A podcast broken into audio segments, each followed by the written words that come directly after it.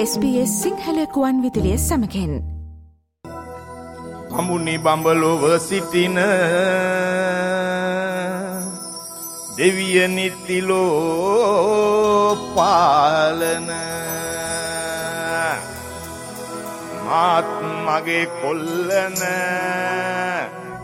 යදින මේ ඇදුම අසාලනු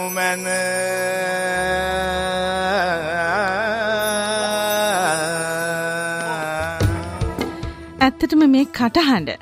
අපිට මුලින්ම ඇහුනේ බෙරහඬ වේදිකා නාට්‍යයෙන්. ඉන් අනතුරුව වේදිකාව ටෙලිතිරය සිනමාව පුරාම් විහිදුණුවේ රංග පෞරුෂය අද ශ්‍රී ලංකාවේදී සදහටම ජාතියෙන් සමුගෙන යනවා. ඔල්ලනේ මෙන්න මෙහෙවරෙව්. මෙන්න මෙහෙවරෙව්. කොල්ලනේ නට නටාවරෙව්. මෙන්න මෙහෙවරෙව්. කොල්ලනේ නට නටාවරෙව්. තොපිට හරිම වාසියක් නට නටාවරෙව් යකෝ! තොපිට හරිම වාසියක් නට නටාවරෙව් අනිකවරෙව් ශේත්‍ර ගණනාවක ප්‍රවීණයකු වුණු විදක්ත කලාශිල්පියෙක් විදිහට සංනිවේදකයෙක් අධ්‍යක්ෂවරයෙක්. ඒවගේ ඉතිහාසය පිළිබඳ ගවේශකයෙක් සහ ඒ සඳහා විවිධ වැඩසටහන් නිෂ්පාදනය කරපු පුද්ගලයෙක් විදිහට මේ නිවී කිය අසාහය රංග පෞරුෂය කලාශිල්පයා පිළිබඳව කෙටි මතකාවර්ජනයක් කරන්නටයි SBS සිංහල සේවෙන් අපි සූදානම් වන්නේ.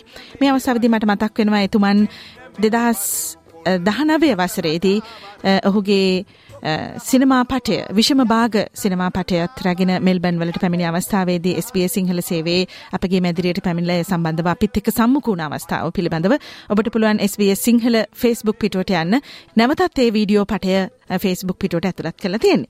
ඉතින් දැන් අපි සම්බන්ධ කරගන්නවා සරසවිය පුවත්පතේ කර්තෘ ඒ වගේම සිනමා විචාරක ආචාර්ය නුවන් නයනජිත් මහතාව මේ නිවී ගිය අසහාය රංග පෞරුෂයේ සුවිශේෂී සන්ධිස්ථාන පිළිබඳව යම් මතකාවර්ජනාක නියලෙනට.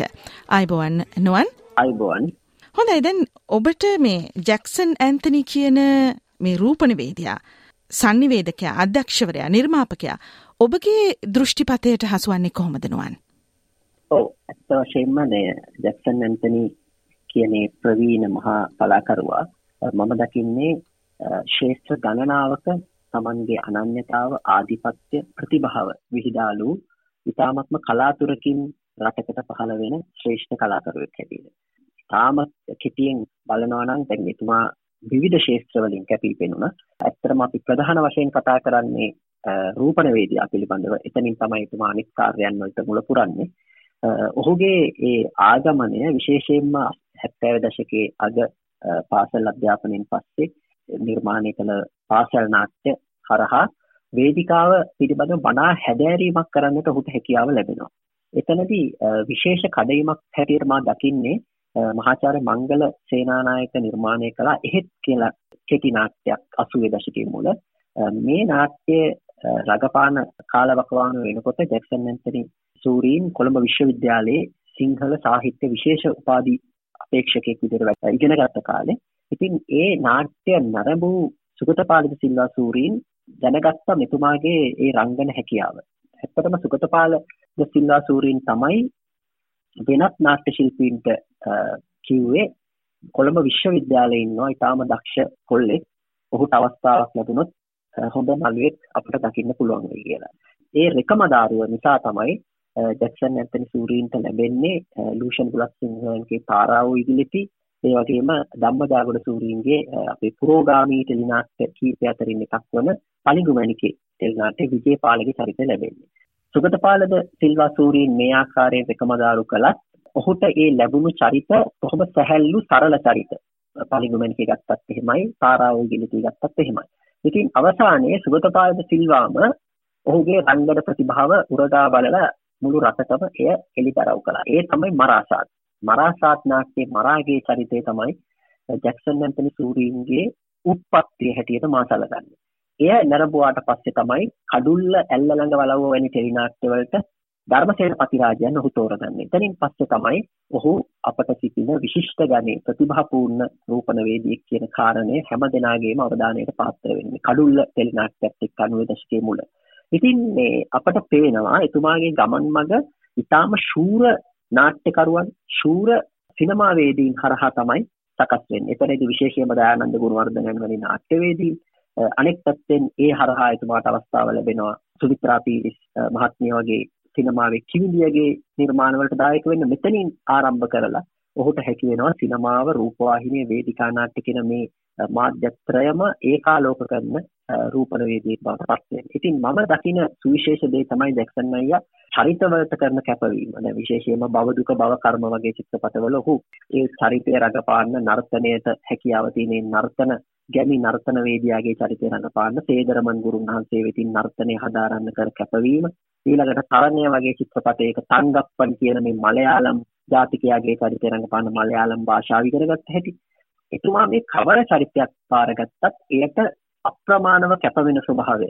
අපි ඉගෙනගෙන තියෙනවා මේ රංග න්‍යායන් එතකොට ස්ටැන්ස්ලෝස්කිගේ සිද්ධාන්ත වලට වඩා ඊට කලින් එතුමා අර රාජගුරු අන්තර්ගම රාජගුරු බණ්ඩාරගේ අකස්කඩේ තියෙන දේවල් පවා දැනගන්න තරම් ඇතුරු ඥාන සම්භාරයක්. පෙර අපරදික යාකල හැකි ඥාන සම්භාරයක් එක්ක මේ කාර්යයට ප්‍රවිෂ්ඨ වීම නිසා රූපණවේදියෙක් හැටියට මම දකින්නේ ඔහු අපේ මහා නළු පරම්පරාව නියෝජනය කළ නූතන වාදියා ලෙස. විශේෂයෙන්ම අපි කෙටියෙන්ම ගත්තොත් සිනමාවේදී කාමිනී ෆොන්සේකා ජෝබේ වික්‍රම තෝරි රණසිංහ විජේ කුමාරතුංග රවීන්ද්‍ර රන්දේනිය තරත් දුලතිල මේ පස් දෙනාට පසුව අපි මහා නළුවන් හැටියට හඳුන්වන්න පුළුවන් පස් දෙනාට පසුව අපට හමුවන්නේ ජැක්සන් ලැන්සන්. ඉතින් ඔහු අවසානයේද කියන ප්‍රශ්නාර්ථය මා යොමු කරන එතනින් එහාට අපිට මහා නළුවෙක් ගන්න පුළුවන් වෙයිද දන්නේ අපේ කාලවකවානුවේ මේ මහා නළුවා කියලා මා කියන්නේ තව ප්‍රතිභාපූර්ණ වර්ග ශිල්පීන් සිටිනවා. නමුත් මහා නළුවෙක් වෙන්න දැවැන්ත දායකත්වයක් ලබා දෙන්න. පැතිරුණු දශක ගණනාවක් විහිද යන දායකත්වයක් ලබා දෙන්න ඕනේ. ඒක තමයි අපිට හඳුනා ගන්න පුළුවන් මෙහෙම මේ මොහු මහා නළුවෙක් හැටියට.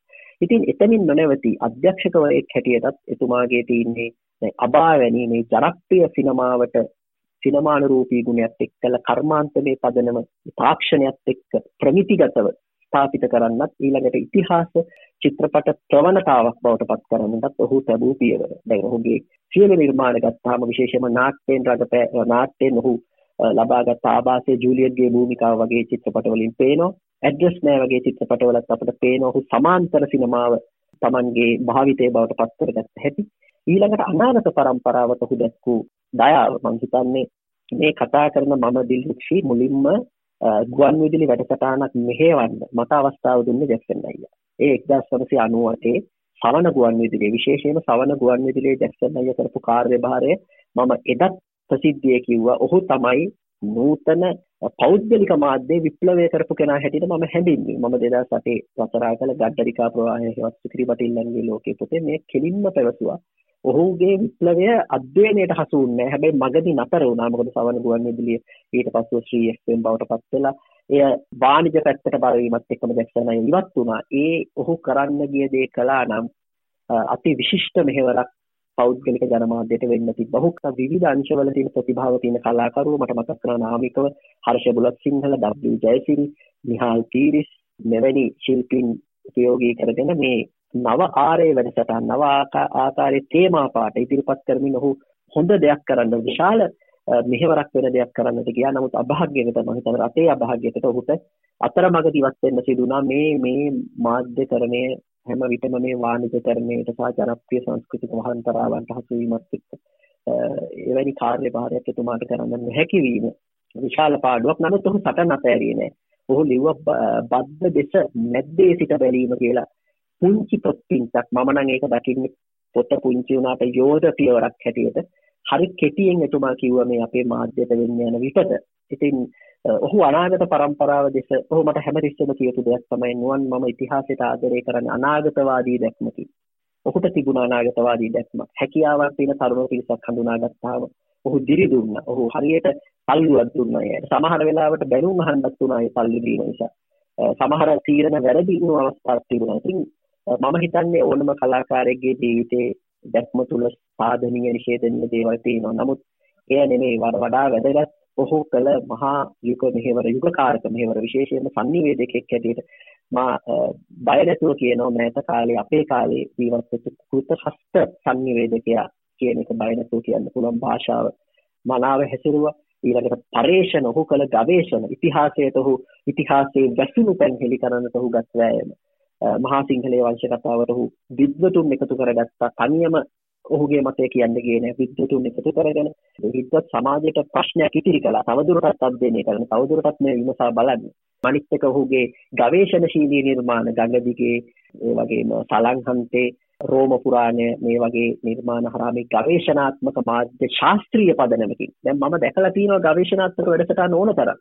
හැබැයි ඒවල ලොකු අඩුවක් තියෙනවා. ඒවල රූපලාභ ලස්සනයි. නමුත් අපි දකිනවා ඒ සංනිවේදකයන්ට ප්‍රබල ගවේෂණ ශක්තියක් විද්වත් භාවයක අඩුපාඩු තිබුණතර විද්වත් භාවය නොමැතිව ඒ දේවල් වල ඒ එළිය ගන්න බෑ ඒ වැඩසටහන් වලට ඒ වැඩසටහන් ආලෝකවත් ආලෝකවත් වුණේ ඒ එතුමාගේ තිබුණු ඒ විදග්ධ භාවය බහුශ්‍රත බව සහ ඇතුල් පිරුටන් නැති බව සමග මට හිතෙනවා හරි ලස්සන නැතුමක් නටන්න ගිහිල්ලා නතර වුණාද වගේ. තව සෑහෙන දෙයක් කරන්නට ඉතිරිව තිබියදී සිටි ගමන් නොපෙනී අතුරුදන් වී ගියාදෝ කියන විදිහේ දැඩි කම්පනයක් මගේ හිතට මේ වෙලාවේ දැනෙනවා. අද මේ අවසන් ගමන් යන අවස්ථාවේ හොඳයි අද එතුමන් ශ්‍රී ලංකාවේ රාගම ශුද්ධ වූ පේදුරු පවුලු දේවස්ථානයේදී අවසන් වතාවට ජාතියෙන් සමුවරගෙන යනවා. හෙළ සිනමාවේ අසහාය රංග පෞරුෂය විදිහට එතුමන් දශක ගණනාවක් තිස්සේ සිදු කරපු මෙහෙ පිළිබඳව මතකයක් පමණයි අපට ඉතිරි වන්නේ රංග පෞරුෂය පමණක් නෙමේ ඔහුට තිබුණ තවත් පෞරුෂ ගණනාවක් විවිධ ශේත්‍ර හරහා. ඉතින් එතුමන්ට අපි අවසාන වශයෙන් මොක්සුව ප්‍රාර්ථනා කරනවා. එමනම් අපි ස්තුතිවන්ත වෙනවා මේ කෙටි සමරු සටහන එකතු කරන්නට SBS සිංහල සේවය සමඟ සම්බන්ධවීම පිළිබඳව සරසවිය පුවත් පතේ කතෘ එවගේම සිනමා විචාරක ආචාර්ය නුවන්නයන චිත්‍ර. ජැක්සන් ඇන්තනී මේ සුසීමා ටෙලි නාට්‍යයට ගායනා කරපු ගීතයක්. සිතේ සුසුම් නිවෙන ගායනා ඔහු ඉදිරිපත් කළත් හැමෝගෙම සිතේ සුසුමක් ඉතුරු කරමින් ඔහු අද සමගෙන යනවා. අපි හුට සුභගමන් ප්‍රාර්ථනා කරනවා. හිතේ සුසුම් නිවනාගායනා ඔබේ සවන් සොයා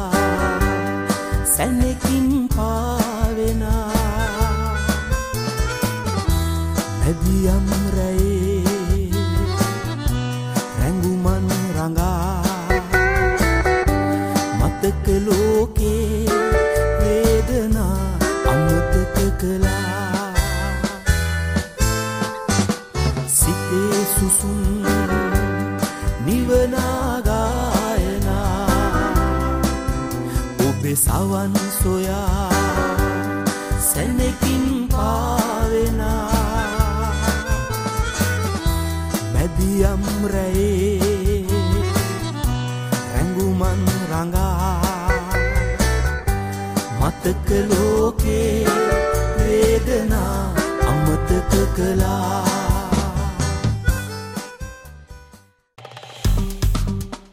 ලයි කරන්න ෂයා කරන්න අදහස් ප්‍රකාශ කරන්න SBS සිංහල ෆස්බුක් පිටුව ෆලෝ කරන්න.